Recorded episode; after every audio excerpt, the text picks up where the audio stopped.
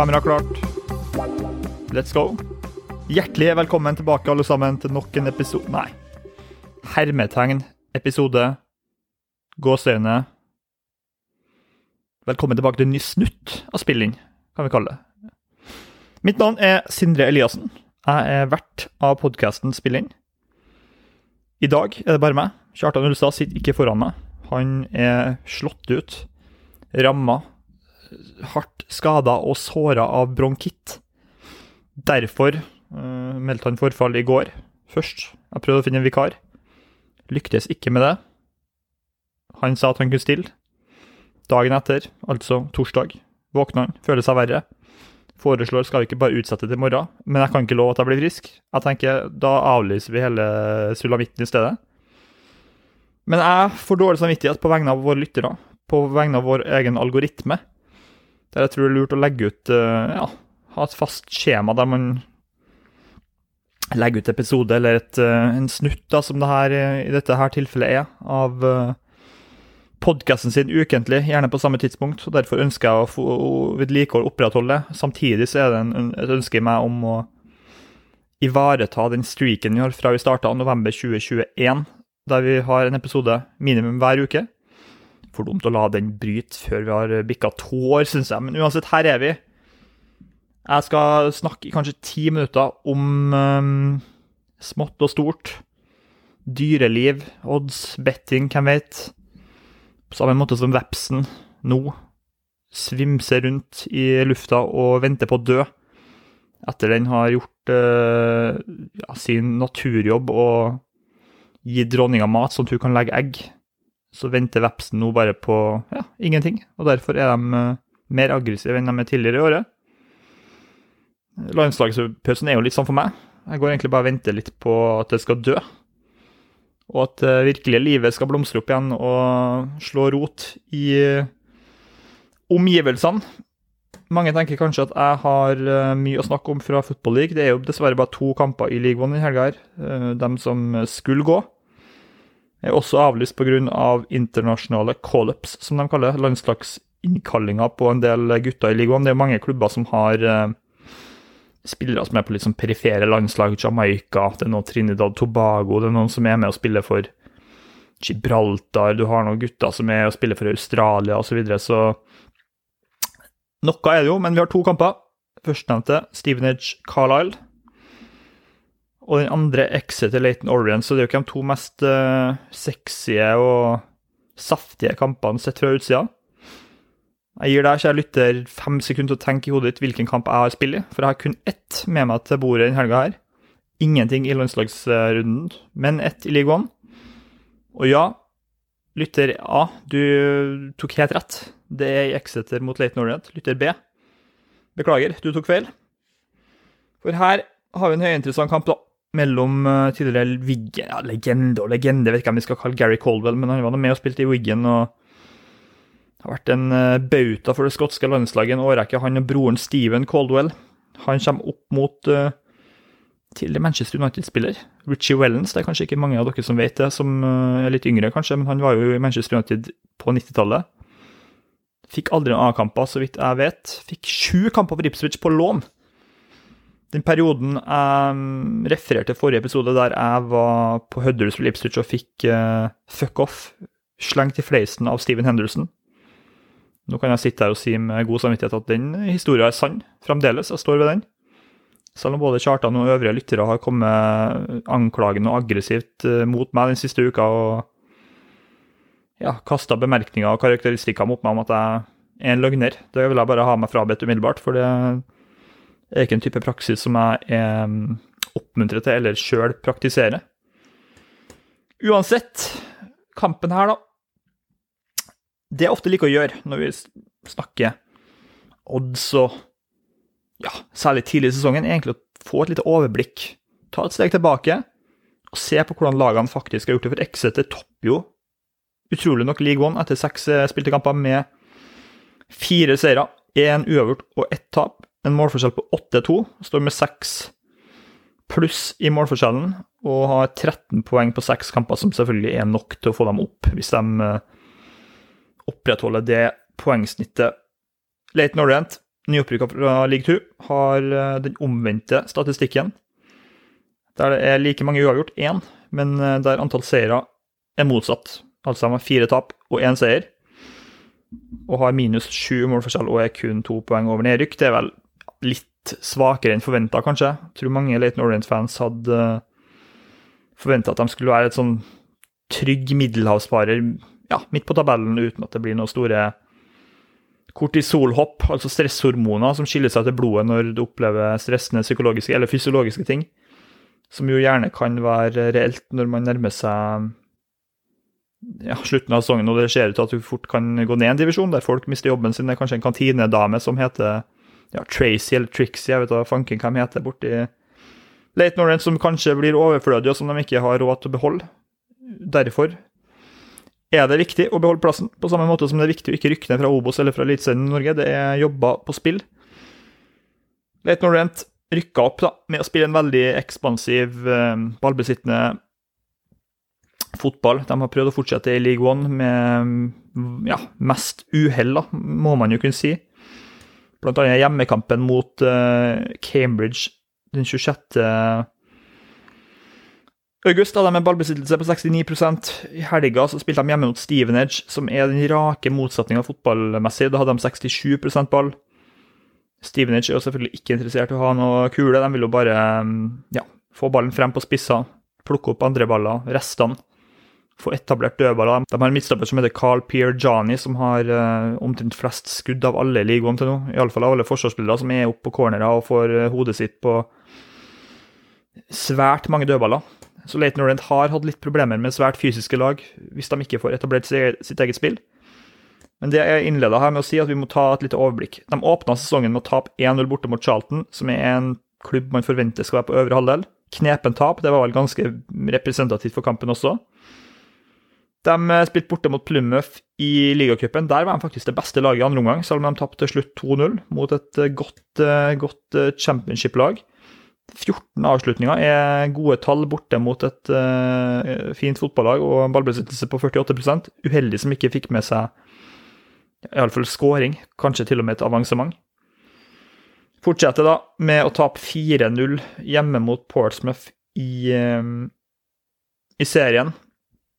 Selvfølgelig. Det er jo ei, ei stor ripe i lakket, men XG-en der er jo 0,66 mot 1,55, så vi må jo kunne si at eh, Portsmouth, som skårer på fire mm, av sine fem skudd på mål, det er bra uttelling. Det er ikke noe man vanligvis ser over tid i fotball. Neste kamp 3-2-tap borte mot uh, Wickham, der de uh, hadde 1-1, fikk en utvisning tidlig andre omgang, og så ender opp med å tape kampen mot et nok et svært fysisk fotballag. Så reiser borte mot Blackpool, får med seg et fint uavgjort 0-0-resultat. Jeg har jo penger på at eh, Blackpool skal klare topp seks, og det tror jeg blir et veldig veldig verdifullt og kjærkomment poeng for Leighton Orient når vi teller opp på slutten av sesongen. Slo Cambridge, var litt tilbake til seg sjøl da. Tapt 3-0 mot Stevenage i helga, der de jo hadde et skudd i tverrliggeren før uh, Stevenage fikk sin første skåring, som var et innlegg som gikk rett i mål. Så lite overblikk da, skjer bak resultatene. Tapte også 2-1 i pizzacupen i midtuka, der de fikk to røde kort som begge var spekulative og tvilsomme. Leda 1-0, hadde full kontroll på kampen i den. Og så må vi jo se litt på, på Exeter, hva de har gjort. Uh, Serieåpninga vant de 3-0 borte mot Wickham. Skåra på to, sine to første skudd i kampen. Bomma riktignok straffe rett etter det, men det er også noe man vanligvis ikke klarer å opprettholde over tid. Skår på sine to første avslutninger. Det er rett og slett ikke bærekraftig i noen som helst idrett, så vidt meg bekjent. 0-0 hjemme mot Blackpool. Ja, jevn kamp. Tapt 1-0 borte mot Portsmouth. Den så jeg med et halvt øye mens jeg så Molde-Klaksvik på pub her i Trondheim. Det var vel et greit resultat, selv om Exeter hadde bra XG. De tar jo mye skudd. Eh, vant 2-0 borte mot Carlisle. De hadde jo marginene med seg der, syns jeg, nok en gang. Eh, heldig seier. Hjemmeseier mot Redding i den påfølgende kampen. Heldig der også. Redding kunne fint vunnet den der uten uh, Uten den lille uflaksen som de fikk, X-gen der var helt jevn. Kunne fort, burde kanskje vært uavgjort. Og så, da I helga så, så jeg jo deler av kampen deres mot Burton, der de var 1-0 borte. Første minuttet av kampen hadde Burton et skudd i tverrliggeren, så med litt andre utfall på, på terningkastene her så tror jeg tabellsituasjonen kunne ha sett helt annerledes ut. Da kunne begge stått med 2-2-2, 3-2-1, ja 2-1-3. Så det er nok et mye jevnere um, virkelighetsnivå. Det blir kanskje feil å si. Et mye jevnere styrkeforhold mellom lagene enn det virkeligheten tilsier akkurat nå. Iallfall tallene. Og husk, seks kamper det er ikke noe datagrunnlag vi kan hente noen særlige konklusjoner ut fra. Vi må egentlig se på kampene under ett. Nå har jo Leighton Orient endelig begynt å få litt folk på vei tilbake fra skade. George Moncur har spilt, men ikke vært på, i toppform. Omar Beckles er på vei tilbake. Han, begge de to var svært viktige for dem i fjor. Det var, var et supert lag å se på league 2. Meget dominant i flere kamper. Og um, hvis vi nå ser litt på hva ja, hva de har levert til nå, Exeter, går tilbake til dem, så sa jo det assistenttrener Kevin Nicholson på pressekonferansen i dag at de har hatt veldig mye flaks med seg. og det er jo, Når en trener innrømmer det, så er det vanligvis mer enn en bekreftelse på at på at det, er, at det er sannhet i den påstanden fra min side. Han sa at vi må ta mysteriet ut av kampene, altså gjøre dem mindre marginal. Og I sommer så mista de typer som Jamal Blackman og Jake Caprice, begge til Burton, ja, til en kanskje klubb på ca. samme nivå, men begge spilte jo så å si hver eneste kamp i fjor. Sam Nombake til Rodram på slutten av overgangsvinduet, han er kjempetap for dem. Giovanni Brown, klassespiller som har gått til Blizzard Rovers, de har mista Jack Sparks til Portsmouth, Archie Collins til Peterborough og Josh Key til Swansea. Jeg ser at det der er sju navn som de kommer til å savne. Nå har de erstatta Blackman, keeperen, med en finsk keeper fra Aston Villa som har sett eh, bra ut. Men uansett, det her laget tror jeg ikke kommer til å være på øvre halvdel når vi teller opp på slutten av sesongen. Kanskje mellom 10 og 15 plass, men ikke topp 6. Det tror jeg ikke de er gode nok til. X-gen til nå tilsier at de burde ha vært midt på tabellen, og det er også et utfall jeg tror de ville ha vært godt fornøyd med. Fotball er jo marginsport, og jeg var inne på det sted ting kunne ha sett helt annerledes ut hvis vi bare hadde justert litt i simulasjonen. Og så ikke minst da, det her med spillestil. Exeter mista veldig mange gode ballspillere, skikkelige ballspillere som kan ja, skape ting mot etablert forsvar, som kan gå av en mann, skape ubalanse alene. De får ofte satt opp kantene sine to mot én, men da blir det jo bare innlegg. De, klar, de har ikke nødvendigvis den kvaliteten til å, til å utrette store når de møter lave blokker. Jeg mener jo at um, Leighton Orland har mer av de egenskapene. Og at uh, Exeter på sin side kanskje passer bedre til å spille borte akkurat nå. Det er jo et jubileum i helga på, på St. James Park som bane med Skjete, men det um, tror ikke jeg vi skal legge for mye i. Odds handler jo som alltid om verdivurdering, sannsynlighet og pris. Derfor tenker jeg at 1,73 på H her er for lavt. Jeg tror hvis begge hadde stoppet med 2-2-2, to uavgjort, to seire, to tap på sine seks første, så hadde ikke oddsen vært 1,73 på Exeter her. Så jeg mener at markedet, beklager, er for utfallsstyrt her. Og Derfor må vi spille på Late Norrent. Det, kan, det her kan godt være en type kamp der jeg sitter om tre måneder og ser tilbake på at ja, Exeter var i ferd med å bli et etablert topplag. Late Norrent var på vei mot å etablere seg i bunnen, og at jeg burde ha sett det. Men eh, her er ingenting i min bok som tilsier at uh, forskjellen på lagene er så stor som den uh, kanskje virker utad akkurat nå. Så mitt spill i kampen her Jeg kunne godt gått på linja, som er Late Norrent pluss 0,75 til 1,86 hos Unibet. Det velger jeg ikke å gjøre. Jeg velger heller ikke å ta Leighton Orient pluss 0,5 til 2,12.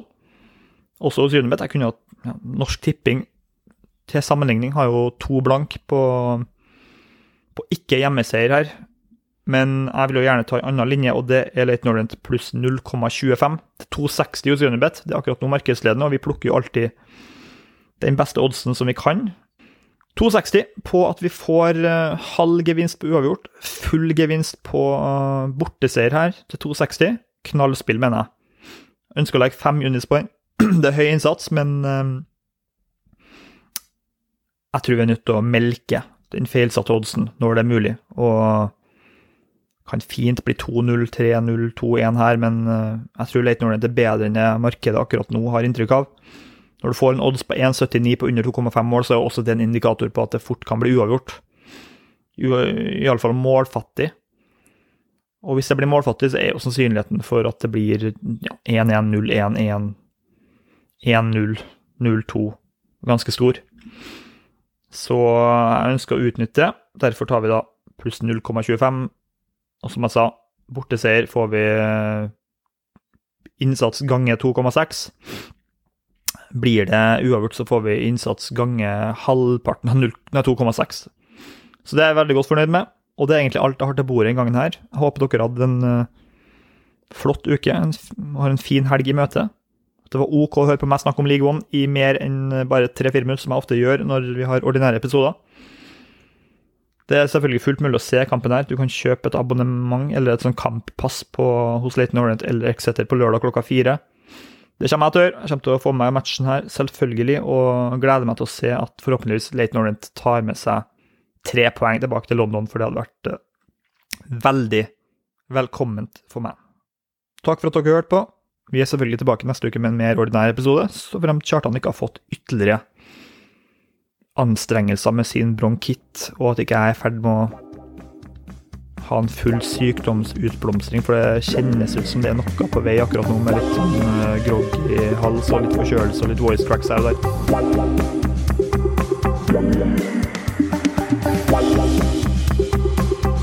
der.